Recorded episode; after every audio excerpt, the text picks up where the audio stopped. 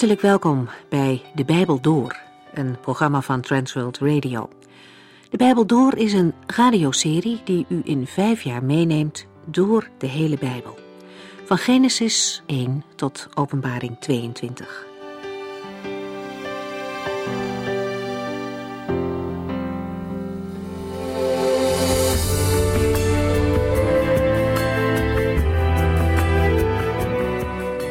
U bent natuurlijk weer van harte welkom. We verdiepen ons deze dagen in het leven van de eerste christengemeente. Lucas heeft in handelingen beschreven wat er toen allemaal gebeurde. En het kan ons jaloers maken als we lezen over de eenheid en de liefde die er toen onder elkaar was. De gebeurtenissen uit die tijd lijken zo ver van ons vandaan. Maar de vorige keer zagen we ook in hoofdstuk 6 dat er toen, net zo goed als nu, menselijke trekjes naar boven kwamen die minder fraai zijn. Er werd gemopperd. En mopperen kan heel veel goeds bederven. Het begint soms over kleine dingen, maar het brengt verdeeldheid en twist in een gemeente en dat heeft verstrekkende gevolgen. De gemeente groeide in die begintijd snel. In Handelingen 6 waren al, al zo'n 25.000 mensen. En dat bracht ook een snel groeiende organisatie met zich mee. Ook op praktisch gebied. Er werd veel gedeeld, zodat ook de arme mensen genoeg hadden. Maar helaas werden de Grieks sprekende weduwen hierbij over het hoofd gezien. En onder de Grieks sprekende Joden werd daar dus over gemopperd. Ze voelden zich achtergesteld en ze klaagden tegen de andere Joden. Het probleem was terecht, alleen mopperen brengt geen oplossing. De apostelen hadden echter de wijsheid om het probleem serieus te nemen. Ze kozen zeven mannen uit die de verantwoordelijkheid over deze praktische zorg kregen. En zo hielden de apostelen de ruimte om hun eigen taak uit te voeren, namelijk het bidden en het doorgeven van het woord van God. Zij namen niet al het werk op hun eigen schouders, maar ze deelden verantwoordelijkheden in de gemeente. Dat biedt ook anderen de gelegenheid om hun talenten te gebruiken. Kenmerkend voor deze zeven mannen was dat ze vol van de Heilige Geest waren.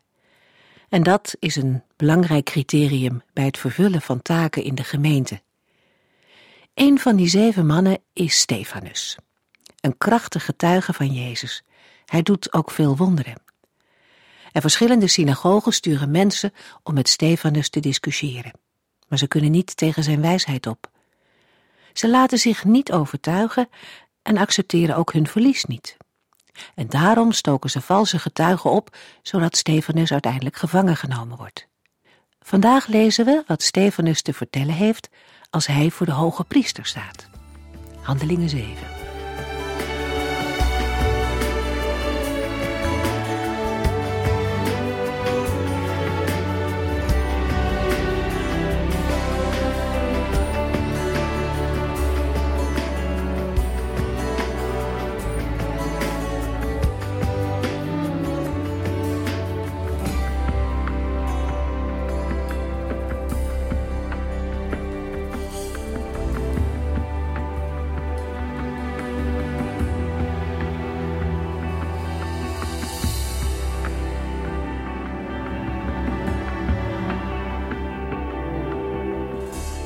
In deze uitzending gaan we lezen en horen hoe Stefanus reageerde op de tegen hem ingebrachte beschuldigingen. De hoge priester, waarschijnlijk Caiaphas of anders zijn schoonvader Annas, de voormalige hoge priester, gaf Stefanus de gelegenheid om te reageren. Stefanus maakt van dit formele recht op verdediging gebruik, totdat hem dit door het geschreeuw van de woedende rechters onmogelijk wordt gemaakt. Stefanus geeft in zijn toespraak geen blijk van afval van de wet van Mozes of minachting van de tempel.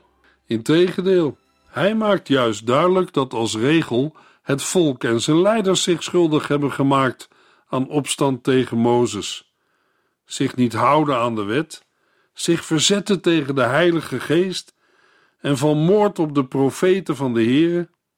En in vers 52 nu is de Christus door u verraden en vermoord. De verdediging van Stefanus voor de Hoge Raad is eigenlijk meer een ophalen van de geschiedenis van het volk Israël. Daarmee illustreert Stefanus het verzet en de opstand van het volk Israël tegen de Here.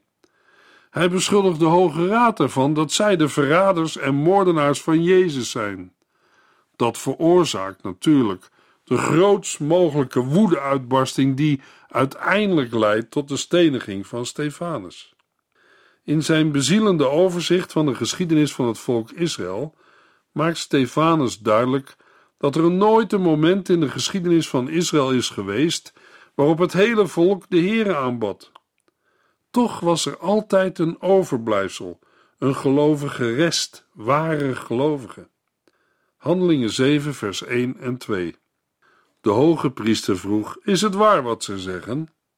Stefanus antwoordde: Broeders en vaders van ons volk, luister. Toen Abraham nog in Mesopotamië woonde, verscheen God aan hem en zei: Stefanus begint zijn antwoord op de gebruikelijke plechtige en respectvolle manier. Met de aanspraak broeders en vaders van ons volk drukt hij zijn verbondenheid uit met zijn toehoorders. Met vaders richt hij zich met gepaste eerbied tot de rechters van het Sanhedrin. Zijn toespraak omvat een beschrijving van de geschiedenis van Israël, die begint bij de roeping van Abraham. In zijn antwoord doet Stefanus geen enkele poging om zichzelf schoon te praten. In feite noemt hij niet eens de aanklachten die tegen hem zijn ingebracht. Met Abraham begon de geschiedenis van het volk Israël. In het eerste hoofdstuk van het Evangelie naar Matthäus vinden we hetzelfde terug in de stamboom van Jezus Christus. De stamboom in Matthäus gaat terug tot op Abraham. Abraham was een man van geloof. Hij geloofde God en hij gehoorzaamde hem. Geloof leidt altijd tot gehoorzaamheid. Stefanus begint met Abraham in Mesopotamië. Ver weg in het dal van de Eufraat en de Tigris was de geboorteplaats van Abraham. Daar heeft de Heer hem geroepen. Handelingen 7, vers 3. Verlaat uw land en uw familie en ga naar het land dat ik u zal wijzen. De nu aangehaalde woorden komen overeen met Genesis 12, vers 1. Pas na het sterven van zijn vader wordt Abraham opgedragen ook het vaderlijk huis, de directe familieleden in Garan, achter te laten. Vers 4. Om verder te reizen naar Canaan. De Heere riep Abraham uit een familie die de afgoden dienden. Handelingen 7, vers 4 en 5. Hij trok weg uit zijn vaderland en ging naar Garan. Daar bleef hij wonen tot zijn vader, die met hem mee was gegaan, stierf. Daarna leidde God hem naar dit land waar u nu woont. Maar God gaf hem er niets van in eigendom, nog geen meter. God beloofde het aan Abrahams nakomelingen te geven, hoewel hij nog steeds geen kinderen had. Op bevel van de Heere vertrok Abraham met zijn vader Terach en zijn neef Lot uit het land van de Galdeën, uit Zuid-Mesopotamië, naar Garan in Noord-Mesopotamië. Pas na het sterven van zijn vader spreekt de Heere opnieuw tot Abraham om ook het vaderlijk huis te verlaten. Abraham moet verhuizen naar Canaan. Handelingen 7, vers 6 tot en met 8. God zei: Uw nakomelingen zullen 400 jaar in een vreemd land wonen. Zij zullen daar slaven zijn en slecht behandeld worden. Maar het volk dat hen onderdrukt, zal ik straffen. Daarna zal uw volk wegtrekken en mij hier op deze plaats dienen en eren. God zei tegen Abraham dat hij en al zijn nakomelingen besneden moesten worden. Dat zou het teken zijn van Gods verbond met hem. Later werd zijn zoon Isaac geboren. Toen die acht dagen oud was, werd hij besneden. Hetzelfde deed Isaac later bij zijn zoon Jacob. En Jacob deed het ook weer bij zijn twaalf zonen, die de stamvaders van ons volk zijn. Maar zoals Abraham het land nog niet in bezit kreeg, zo zou het ook de eerste generaties na hem vergaan. Zijn nakomelingen zouden 400 jaar in een vreemd land, in Egypte, wonen. In Exodus 12 wordt 430 jaar genoemd, en in Egypte betekent niet in het land Canaan. Bovendien zullen de Egyptenaren hen tot slaven maken en slecht behandelen. De nakomelingen van Abram hebben het lang moeten stellen zonder de vervulling van de landbelofte. Stefanus haalt in dit gedeelte Genesis 15, vers 13 en 14 aan. De 400 jaar wordt in de Joodse traditie meestal gerekend vanaf het moment dat Abraham de belofte ontving. Ook in Gelaten 3, vers 17 wordt 430 jaar genoemd. Handelingen 7, vers 9 tot en met 16. Een van Jacobs zonen, Jozef, werd door zijn broers als slaaf verkocht, omdat ze jaloers waren. Jozef kwam in Egypte terecht, maar God liet hem niet aan zijn lot over. Hij haalde hem telkens weer uit de moeilijkheden en gaf hem veel wijsheid. Daardoor kwam Jozef in de gunst bij de farao, de koning van Egypte, die hem aanstelde als gouverneur. Jozef kreeg het bestuur over heel Egypte en over de hofhouding van de farao. In die tijd brak er in Egypte en Canaan een zware hongersnood uit, zodat Jacob en zijn familie niets meer te eten hadden. Jacob hoorde dat er in Egypte nog wel voedsel was te krijgen en stuurde zijn zonen er naartoe. Later stuurde hij nog eens. Bij deze tweede keer vertelde Jozef dat hij hun broer was, en hij stelde hem voor aan de farao.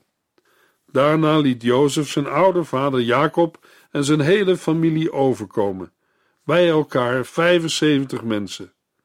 Jacob bleef in Egypte wonen en is daar ook gestorven. Ook zijn zonen hebben er tot hun dood gewoond. Hun lichamen werden naar Sichem overgebracht en in het graf gelegd dat Abraham voor veel geld van de familie van Gamor had gekocht. Stefanus besteedt geen aandacht aan de zeven vette jaren en al de voorzorgsmaatregelen van Jozef. Het gaat Stefanus er nu alleen om dat de door zijn broers verkochte en verraden Jozef door de Heere wordt aangesteld tot de redder van zijn familie. Het volgende punt in de geschiedenis van Jozef is de hongersnood die zowel het land Egypte als Canaan teisterde en voor de bevolking zware verdrukking betekende.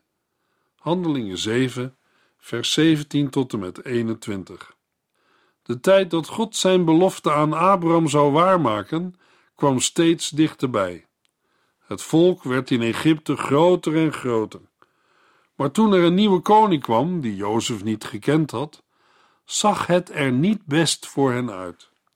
Op een sluwe manier wist die koning ons volk het leven zuur te maken. Hij verplichtte hen zelfs hun pasgeboren kinderen buiten neer te leggen, in weer en wind, en aan hun lot over te laten, zodat het volk niet meer zou groeien. In die tijd werd Mozes geboren. Hij was in Gods ogen een mooi kind en de eerste drie maanden werd hij door zijn ouders verzorgd.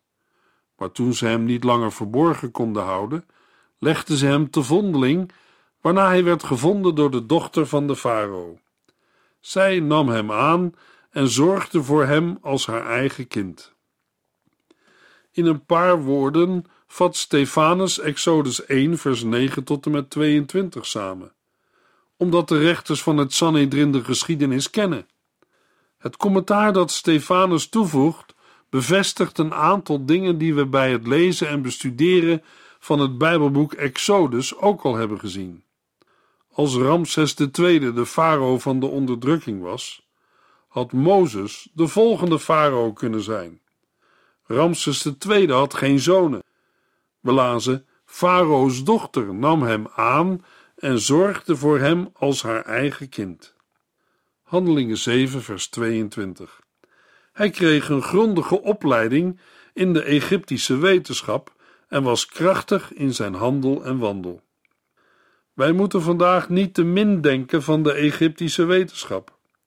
Zelfs in onze geavanceerde tijd, waarin we van mening zijn dat we over alles wel iets weten. Toch was Mozes met zijn Egyptische opleiding niet klaar om Gods volk te bevrijden. Daarom stuurde de Heer hem, na veertig jaar onderwijs in Egypte, naar de woestijn. Daar bereidde God hem voor om de bevrijder van Israël te worden. Handelingen 7, vers 23 tot en met 25. Toen Mozes 40 jaar was, besloot hij te gaan kijken hoe het met de Israëlieten ging. Die waren tenslotte zijn eigen volk. Hij ging er naartoe en zag dat een van hen door een Egyptische opzichter mishandeld werd. Mozes nam het voor hem op en sloeg de Egyptenaar dood. Hij dacht dat zijn volk wel zou begrijpen dat God hem had aangewezen om hen te bevrijden, maar dat begrepen ze niet. Stefanus volgt hier de rabbijnse overlevering, die meestal het leven van Mozes in drie perioden van veertig jaar verdeelt. Handelingen 7, vers 26 tot en met 28. De volgende dag was Mozes er weer en zag twee Israëlieten met elkaar vechten. Hij probeerde hen te laten ophouden en zei: Waarom doen jullie elkaar kwaad? Jullie zijn toch broeders? Maar de man die begonnen was, zei tegen Mozes: Waar bemoeit u zich mee? Denkt u dat u onze leider en rechter bent? Of wilt u mij soms ook doodslaan, zoals gisteren die Egyptenaar? De woorden van Exodus 2, vers 14 worden letterlijk geciteerd. Het blijkt dat de man geen enkel begrip heeft van de roeping die de Heere Mozes heeft gegeven. Daarmee is hij een voorbeeld van de Joden uit de tijd van Stefanus. Zij wilden de Heer Jezus niet erkennen. Handelingen 7, vers 29 tot en met 31. Mozes schrok daar erg van en vluchtte het land uit. Hij ging in Midian wonen en kreeg daar twee zonen. Veertig jaar later was Mozes op een dag in de woestijn bij de Sinaï en zag daar een engel van God in de vlammen van een brandende braamstruik. Hij wist niet wat hij zag. Toen hij dichterbij kwam om het beter te kunnen bekijken, sprak God tegen hem. Vervolgens beschrijft Stefanus de roeping van Mozes aan de hand van Exodus 3. Na een volgende periode van veertig jaar, waarin Mozes als schaapherder werkte in dienst van zijn schoonvader Jethro, verschijnt hem een engel van de Heere vanuit een brandende braamstruik. De Heere roept Mozes om de bevrijder van zijn volk te worden. Met dit gedeelte wil Stefanus duidelijk maken dat de Heere verschijnt waar hij wil. Hij is niet gebonden aan de tempel in Jeruzalem. Handelingen 7, vers 32 tot en met 34. Ik ben de God van uw voorouders, de God van Abraham, Isaac en Jacob. Mozes begon te beven van schrik en durfde niet meer te kijken. God zei tegen hem: Trek uw sandalen uit, want de grond waarop u staat is heilig. Ik heb gezien en gehoord hoe mijn volk in Egypte wordt onderdrukt en mishandeld, hoe het zucht van ellende. Ik ben gekomen om het te bevrijden. Daarom wil ik u naar Egypte sturen. Met een paar weglatingen citeert Stefanus uit Exodus 3. Zo ontbreekt de beschrijving van het land Canaan als het land van melk en honing. Dat kan te maken hebben met de opzet van het betoog van Stefanus. Hij wil juist de aandacht afleiden van het land Canaan en de tempel in Jeruzalem. Handelingen 7, vers 35. Mozes werd dus naar Egypte gestuurd om het volk van Israël te bevrijden. Het volk dat niets van hem wilde weten. Hij zou de leider worden van de mensen die tegen hem hadden gezegd: Denkt u soms dat u onze leider en rechter bent? Door de engel die in de brandende braamstruik aan hem verscheen, gaf God hem daar de macht voor. Want uitgerekend deze door de Israëlieten afgewezen Mozes wordt door de Heere gezonden als verlosser. Daarmee blijkt het verzet tegen Mozes een verzet tegen de Heere zelf te zijn geweest. Handelingen 7, vers 36 tot en met 38. Mozes bracht het volk van Israël uit Egypte en deed opzienbarende dingen, grote wonderen, niet alleen in Egypte, maar ook bij de Schelfzee en in de woestijn, waar hij veertig jaar met hen rondzwierf. Deze Mozes zei tegen onze voorouders: God zal uit uw midden een profeet laten opstaan, iemand zoals ik. Toen onze voorouders bij de berg Sinaï bijeen waren, ging hij de berg op en ontmoette daar de engel van God. Wat de engel tegen hem zei, moest hij aan het volk overbrengen. Dat waren woorden van leven die aan u moesten worden doorgegeven. Deze Mozes heeft het volk uitgeleid. De Israëlieten hadden dat van hem nooit verwacht. Ook de bediening van Mozes kenmerkt zich door wonderen en tekenen. Exodus 7, vers 3. Daarmee wordt opnieuw een vergelijking met de Heer Jezus getrokken. Handelingen 2, vers 22. Mozes, die eens door het volk Israël was afgewezen, maar door de Heere tot hun overste en verlosser is aangesteld, heeft geprofiteerd over de toekomstige profeet. Deuteronomium 18, vers 15 en 18. Ook al noemt Stefanus hier de naam van de Heer Jezus nog niet, binnen de christelijke gemeenschap was men er absoluut van overtuigd dat Jezus de door Mozes aangekondigde profeet was. Het werd ook door de apostelen op het tempelplein onderwezen, Handelingen 3, vers 22. Vele leden van het Sanhedrin wisten dat Stefanus bij het citeren van Deuteronomium 18 op Jezus doelde. Handelingen 7, vers 39. Maar onze voorouders wilden Mozes niet gehoorzamen. Ze hadden er genoeg van achter hem aan te lopen en verlangden terug naar Egypte. Mozes, de wetgever, werd door zijn volk als leider niet aanvaard of erkend. Voortdurend rebelleerde het volk tegen hem als persoon en tegen de wetten van de Heere. Het is duidelijk dat Stefanus de aanklacht tegen hem van het spreken tegen de wet terugspeelt naar de rechters van het Sanhedrin. Ongehoorzaamheid aan de wetten van Mozes is een kenmerk van het volk Israël, waarvan zij de vertegenwoordigers zijn. Handelingen 7, vers 40. Terwijl Mozes op de berg Sinaï was, zeide zij tegen zijn broer Aaron: Maak goden voor ons die voor ons uit kunnen gaan, want wij weten niet wat er met Mozes gebeurd is, die ons uit Egypte heeft geleid. Dat Israël in hun hart naar Egypte terugverlangde, kwam tot uitdrukking in wat ze tegen Aaron zeiden. Volgens Ezekiel 20, vers 8 ging het bij deze goden om de afgoden van het land Egypte. Hun afwijzing van Mozes bleek uit het feit dat zij van zijn afwezigheid gebruik maakten om tegen hem op te staan. Ze hadden hem verworpen. Handelingen 7, vers 41 tot en met 50.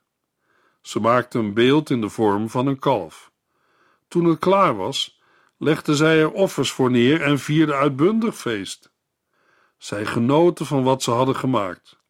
God keerde zich van hen af en liet hen hun gang gaan. Ze begonnen de zon, de maan en de sterren te vereren. Zo staat het bij de profeet Amos geschreven. Zeg eens, volk van Israël, hebt u tijdens die veertig jaar in de woestijn dieren voor mij geslacht? Hebt u mij offers gebracht? Nee, u had alleen maar aandacht voor andere goden. U hebt de tent van de god Moloch en het beeld van de sterrengod Refan meegesjouwd. U hebt beelden vereerd die door uzelf waren gemaakt. Daarom zal ik u wegvoeren naar verre streken, nog verder dan Babel. In de woestijn hadden onze voorouders de tabernakel met daarin Gods wetten. Mozes had die tabernakel in opdracht van God gemaakt, volgens het voorbeeld dat hij had gezien. Later werd die tent door ons volk hier gebracht. Dat gebeurde toen het onder leiding van Jozua het land had ingenomen en alle inwoners eruit had verjaagd. Ons volk heeft de tent bij zich gehad tot in de dagen van David, een man die bij God in de gunst stond. David vroeg of hij voor God een huis mocht bouwen, een vast onderdak te midden van het volk van Israël. Zijn zoon Salomo bouwde een huis voor God maar de Allerhoogste God woont niet in een gebouw dat door mensen gemaakt is. Door de profeet Jezaja zei hij: De hemel is mijn troon en de aarde is mijn voetenbank. Wat voor tempel kunt u dan voor mij bouwen, die mij tot een huis zou kunnen zijn om daarin te wonen? Ik heb de hele wereld gemaakt. De boodschap van Stefanus is duidelijk. De geschiedenis van Israël laat zien dat de aanwezigheid van de Heere niet aan één bepaalde plaats is gebonden. Stefanus sluit zijn betoog af met de bouw van de tempel door Salomo, 1 Koningen 6. Daarvoor hadden de aartsvaders en later het volk Israël de Heere gediend zonder dat er sprake was van een tempel. De conclusie moet wel zijn dat de tempel in Jeruzalem voor het dienen van God niet onmisbaar is. Daarmee heeft Stefanus zich vanuit de Bijbel gerechtvaardigd tegenover zijn aanklagers. Een van de beschuldigingen tegen hem was dat hij de heilige tempel en de wet had aangevallen. Handelingen 6, vers 13 en 14. Stefanus gaat verder met aan te tonen dat niet alleen mensen zonder tempel kunnen, maar dat ook de Heere een met handen gemaakt gebouw niet nodig heeft. De Heere woont in een hemelse tempel.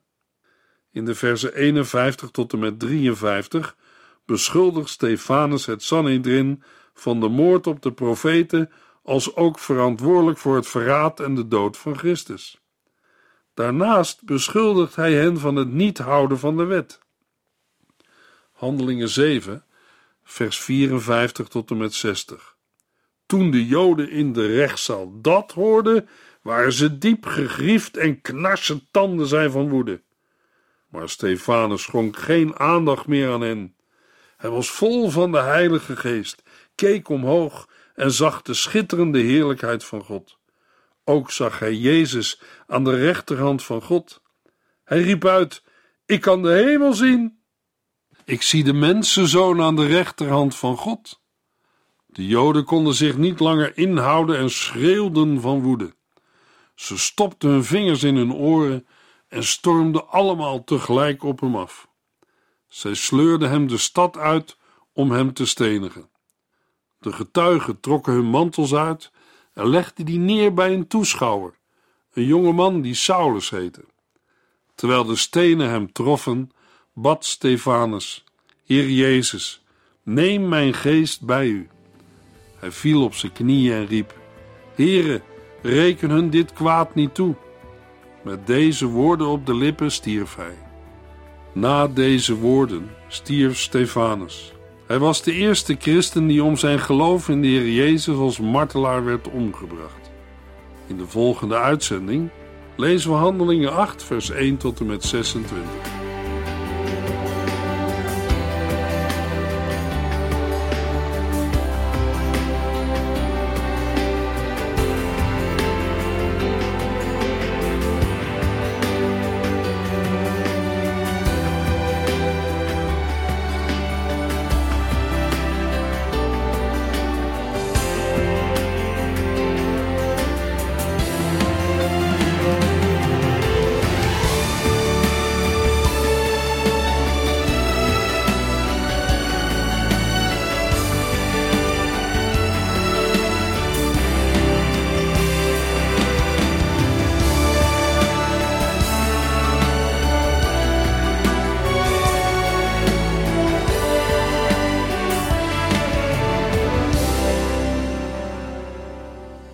Geluisterd naar De Bijbel Door. In het Nederlands vertaald en bewerkt door Transworld Radio. Een programma waarin we in vijf jaar tijd de hele Bijbel doorgaan. Als u wilt reageren op deze uitzending of u heeft vragen, dan kunt u contact met ons opnemen. Tijdens kantooruren kunt u bellen op 0342 47 8432. 0342 47 8432. 32. Ook kunt u een e-mail sturen naar de Bijbel door transworldradio.nl en natuurlijk kunt u ook via de post ons bereiken. TWR, postbus 371, postcode 3770, AJ in Barneveld. Dit programma werd gepresenteerd door Cor Weda en Ike André. Techniek was in handen van Odin van Woerdekom. En wij allemaal bedanken u voor het luisteren. Graag tot de volgende keer.